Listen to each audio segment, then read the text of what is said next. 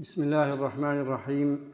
الحمد لله رب العالمين والصلاة والسلام على نبينا محمد وعلى آله وصحبه أجمعين.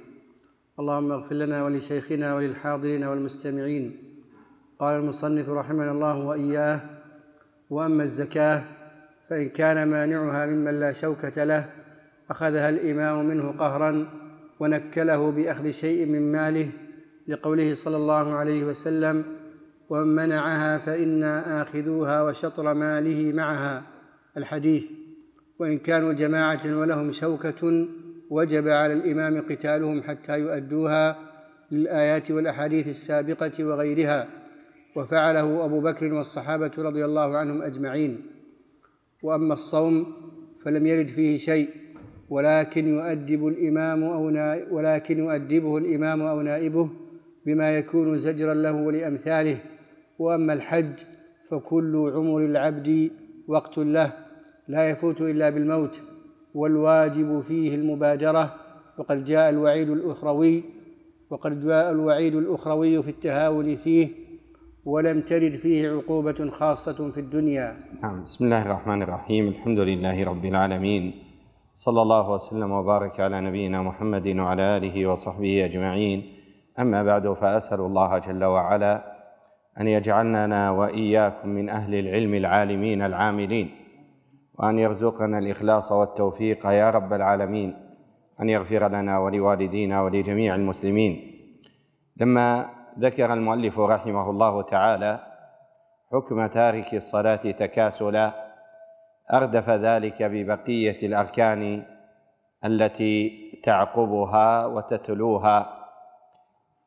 وكما ذكرنا لكم أنها وإن استوت هذه في كونها أركانا فلا يعني ذلك أن تتساوى في كل الأحكام. ولذلك فصل المؤلف رحمه الله تعالى ما يتعلق بكل ركن منها ما يتعلق بحكمه ومنزلته من جهة آه، الحكم بالكفر للتارك تهاونا من سواه. ولذلك قال المؤلف رحمه الله وأما الزكاة فإن كان مانعها ممن لا شوكة له أخذها الإمام منه قهرا. يعني أنه من جهة أنه لا تكفير لتارك الزكاة في ذلك. وهذا ظاهر في الحديث الذي في الصحيح. فإن النبي صلى الله عليه وسلم لما ذكر عقوبة من لا من لا يزكي قال ثم يرى سبيله إما إلى الجنة وإما إلى النار. فدل ذلك على أن تارك الصلاة أن تارك الزكاة لا يكفر بها. فإذا تقرر ذلك فإن هذا لا يعني التهاون بها. ولهذا فإنها لما كانت من عظم من شعائر الدين العظام فإن الإمام آه، آه، يستدرك من آه، أراد أن يتهاون بها فيجبيها منهم ويأخذها منهم قهرا. وربما نكله ببعض ماله بأخذ بعض ماله كما جاء في بعض الأحاديث فانا آخذوها وشطر ماله. قال أهل العلم وإن كان في هذا الحديث مقال إلا أنهم جعلوه من التعزيرات المالية وأيدوه بما جرى في بما جاء فيها من آه، روايات. نعم ثم ذكر المؤلف رحمه الله تعالى حالا أخرى لمانع الزكاة وهو أن يكون منهم امتناع آه، ولهم شوكة. فهذا ينتقل من كونه تهاونا في أداء الشعيرة إلى آه، آه، تمال واتفاق على تركها. ومن ترك شعيرة من شعائر الدين العظام فإنهم يقاتلون على ذلك بإجماع أهل العلم سواء كان ذلك الزكاة أو كان ذلك الأذان أو نحوها مما جاء آه، به الشرع بوجوبه على وجه الوجوب العيني أو على الوجوب الكفائي كما في الأذان. ثم ذكر المؤلف رحمه الله تعالى المتهاون بالصوم فيقول المؤلف رحمه الله تعالى آه، أما الصوم فلم يرد فيه شيء يعني من جهة آه، عقوبة خاصة كما ورد في الزكاة. وإلا فإن المؤلف رحمه الله تعالى يعني قد سردها على بيان أنها ليست كالصلاة في أن تاركها تهاونا يحكم بكفره. وذلك باعتبار ما جاء عن الصحابة. ما كانوا يرون شيئا من الأعمال تركه كفر غير الصلاة. فدل ذلك على أن تارك الصوم لا يكفر لا يكفر في أشهر الروايتين عن أحمد وإن كان فيه رواية أخرى بالتكفير بجميع هذه الأركان باعتبارها أركانا. ثم قال ولكن يؤدبه الإمام أو نائبه بما يكون زجرا له ولأمثاله وهذا لا شك أنه من الأمر بالمعروف ومن حمل الناس على الخير. وهذا ومن الواجبات التي تتعين على من ولوا ذلك سواء كان الإمام الأعظم أو من جعل له ولاية شرعية كالقضاة أو ولاية خاصة في الأمر والنهي كالآمرين بالمعروف والناهين عن المنكر ونحو ذلك. فقال وأما الحج فكل عمر العبد وقت له. يعني لما كان الحج يؤمر به على سبيل الوجوب ويحمل العبد على سبيل الاستعجال لكن آه، كل شخص آه، له عوارض وهذه العوارض منها ظاهر ومنها خفي. فلما لم يستطع أو يظهر القدرة على أن هذا متهاون أو أنه غير قادر أو أنه لا يوجد ما يحول بينه وبين الحج فإن ذلك يمنع آه، أن تلحق به العقوبة أو أن يؤخذ بترك هذه الشعيرة ويعاقب عليها. فبناء على ذلك لا يظهر آه، أنه تارك للحج تهاونا لأن العوارض التي تعرض بين بين الإنسان وبين الحج كثيرة.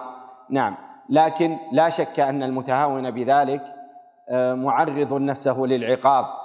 ولترك شعيرة من شعائر الدين العظام وهي تبقى في ذمته تخرج من ماله ويحاسب على ذلك لأنه لو لم يكن واجبا أو لو لم يكن يحاسب على ذلك لما كان لوجوبها فائدة. والله جل وعلا يقول ولله على الناس حج البيت من استطاع إليه سبيلا فلما كان ذلك واجبا كان التارك له تهاونا في معرض الوعيد وتعرض للعقاب والعذاب يوم القيامة. نعم. قال رحمه الله ما هو الإيمان؟ الجواب الإيمان قول وعمل قول القلب واللسان وعمل القلب واللسان والجوارح. يزيد بالطاعة وينقص بالمعصية ويتفاضل أهله فيه. سبق معنا أن الإسلام والإيمان هما اسمان أحدهما يتعلق بالأعمال الظاهرة والآخر بالأعمال الباطنة. ومع ذلك لا ينفك أحدهما من الآخر. ولذلك إذا أطلق أحدهما شمل الآخر. فإذا اجتمعا دل كل واحد منهما على على المعنى الخاص. فالمؤلف رحمه الله تعالى أراد أن يبين تعريف الإيمان عند أهل السنة والجماعة باعتبار التعريف الخاص. فقال من أنه قول وعمل وذلك تعبير آه، ظاهر ومتداول عند كثير من السلف. وأيضا يعرف بأنه قول القلب واللسان وعمل القلب واللسان والجوارح.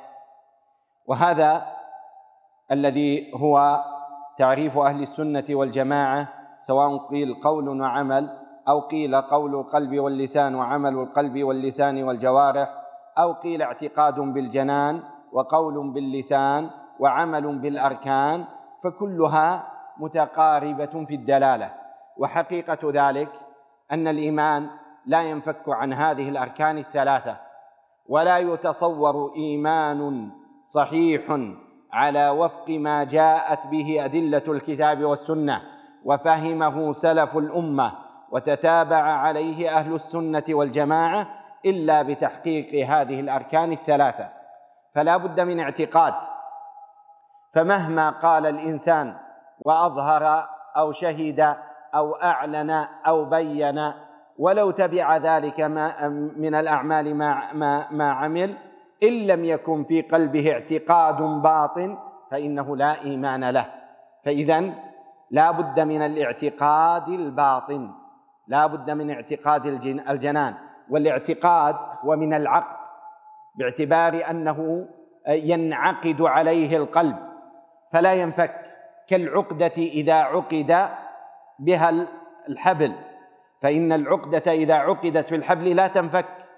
فكذلك ما ينعقد عليه القلب من هذا الاعتقاد لا ينفك ولا يتحول ولا ينقص ولا يتردد. فهذا هو اعتقاد القلب.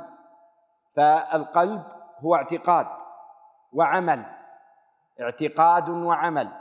وعمل القلب هو بما جاء من أعمال القلوب كالخوف والحب والرجاء والتوكل فكل ذلك من أعمال القلوب.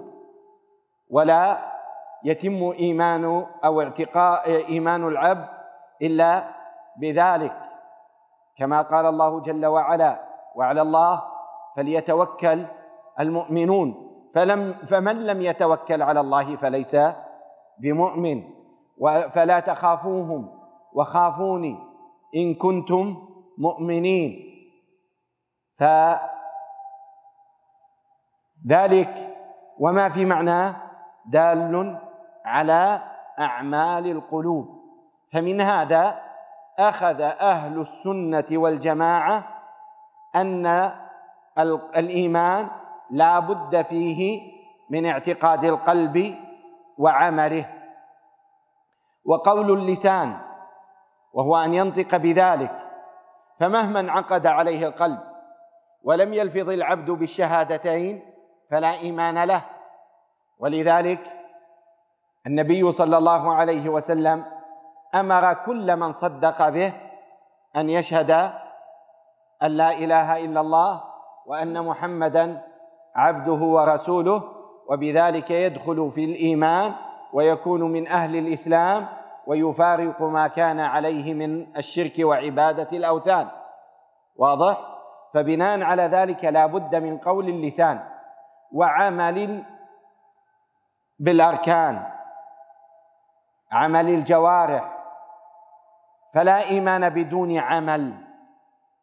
في المستقر عند أهل السنة والجماعة خلافا لأهل الأهواء والضلالات من المرجئة ومن سواهم. فإن الله جل وعلا قال أو كسبت في إيمانها خيرا. فلم يكن ليستقر إيمانه حتى يكتسب فيه الخير. وما كان الله ليضيع إيمانكم. وهذه نزلت في الصلاة. فلما سمى الصلاة إيمانا دلت على أنها جزء منه. فكل جزء منه هو أصل فيه ولا يتصور فكاكه منه ولذلك جاء في الحديث الإيمان بضع وسبعون شعبة أعلاها لا إله إلا الله وأدناها إماطة الأذى من الطريق. فكما أن الاعتقاد بأنه لا إله إلا الله من الإيمان فكذلك ما يكون من الأعمال داخل فيها. فلهذا استقر قول أهل السنة والجماعة على ذلك. وفارقوا أهل الأهواء والضلالات. ف يقابلهم المرجئة من الجهمية والذين قالوا هو قول. حتى ولو لم يكن معه اعتقاد. فمع ذلك أو على هذا يكون يعني آه، من قال لا إله إلا الله ولو لم يعتقد فيدخلونه في الإسلام. نعم.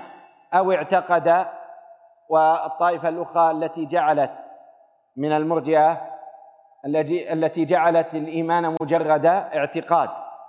فعلى قولهم يحكم بإيمان إبليس وفرعون وذلك لا يتصور وقد جعل الله جل وعلا وذكر كفرهم في كتابه آيات تتلى إلى يوم القيامة. فعلم أن قولهم قول ضلال وأنهم خالفوا صريح القرآن وما دلت عليه آيات النصوص والبيان. وما جاء عن النبي عليه الصلاة والسلام. فبناء على ذلك قالوا أنه إيش؟ لا آه، آه، أو قال أهل السنة لا بد من أن يكون قول وعمل واعتقاد. وأيضا يخالف في ذلك الأشاعرة الذين جعلوا العمل مكمل من مكملات الإيمان وليس جزءا منه. وهذا ليس بصحيح. فإن أهل السنة والجماعة خالفوا أو فارقوا في هذا الخوارج والمرجئه المرجئة الأشاعرة ومن في حكمهم. فلم يجعلوا التكفير بأي ذنب أو بأي كبيره كالخوارج. نعم. ولم يجعلوا الإيمان يمكن أن يتصور بدون عمل. فجنس العمل لا بد أن يكون موجودا في إيش؟ في الإيمان.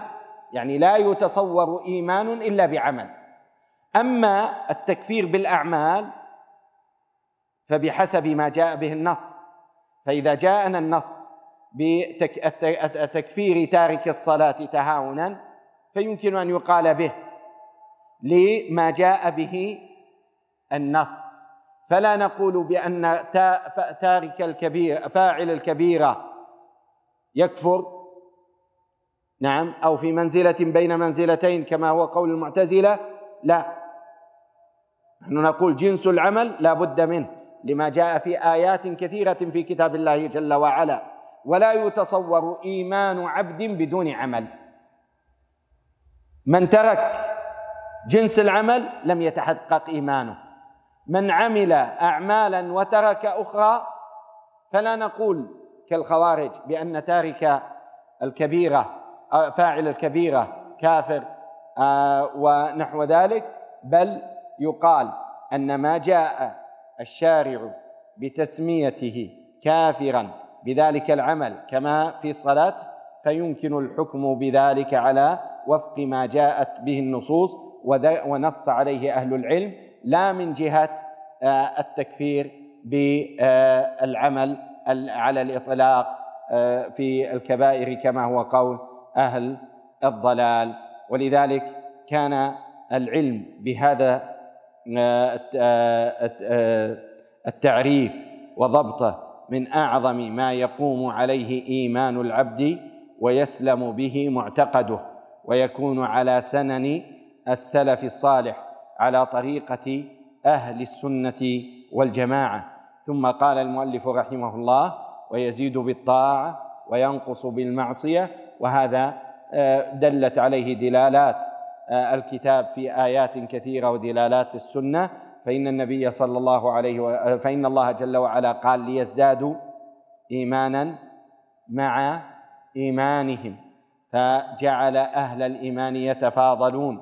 وعلى ذلك دلت السنن والأحاديث لا يزني الزاني حين يزني وهو مؤمن ولا يسرق حين يسرق وهو مؤمن ولا يشرب الخمر حين يشربها وهو مؤمن. فدل ذلك أيضا على أنه إذا نقص فمعنى ذلك أنه يزيد آه، أو فيفهم من ذلك أنه يزيد. ولما أيضا آه، أدخل الأعمال في مسمى الإيمان والناس يتفاوتون في هذه الأعمال فمقتضى ذلك أنهم يتفاوتون في الإيمان أنهم يتفاوتون في الإيمان. نعم. قال رحمه الله ما الدليل على كونه قولا وعملا؟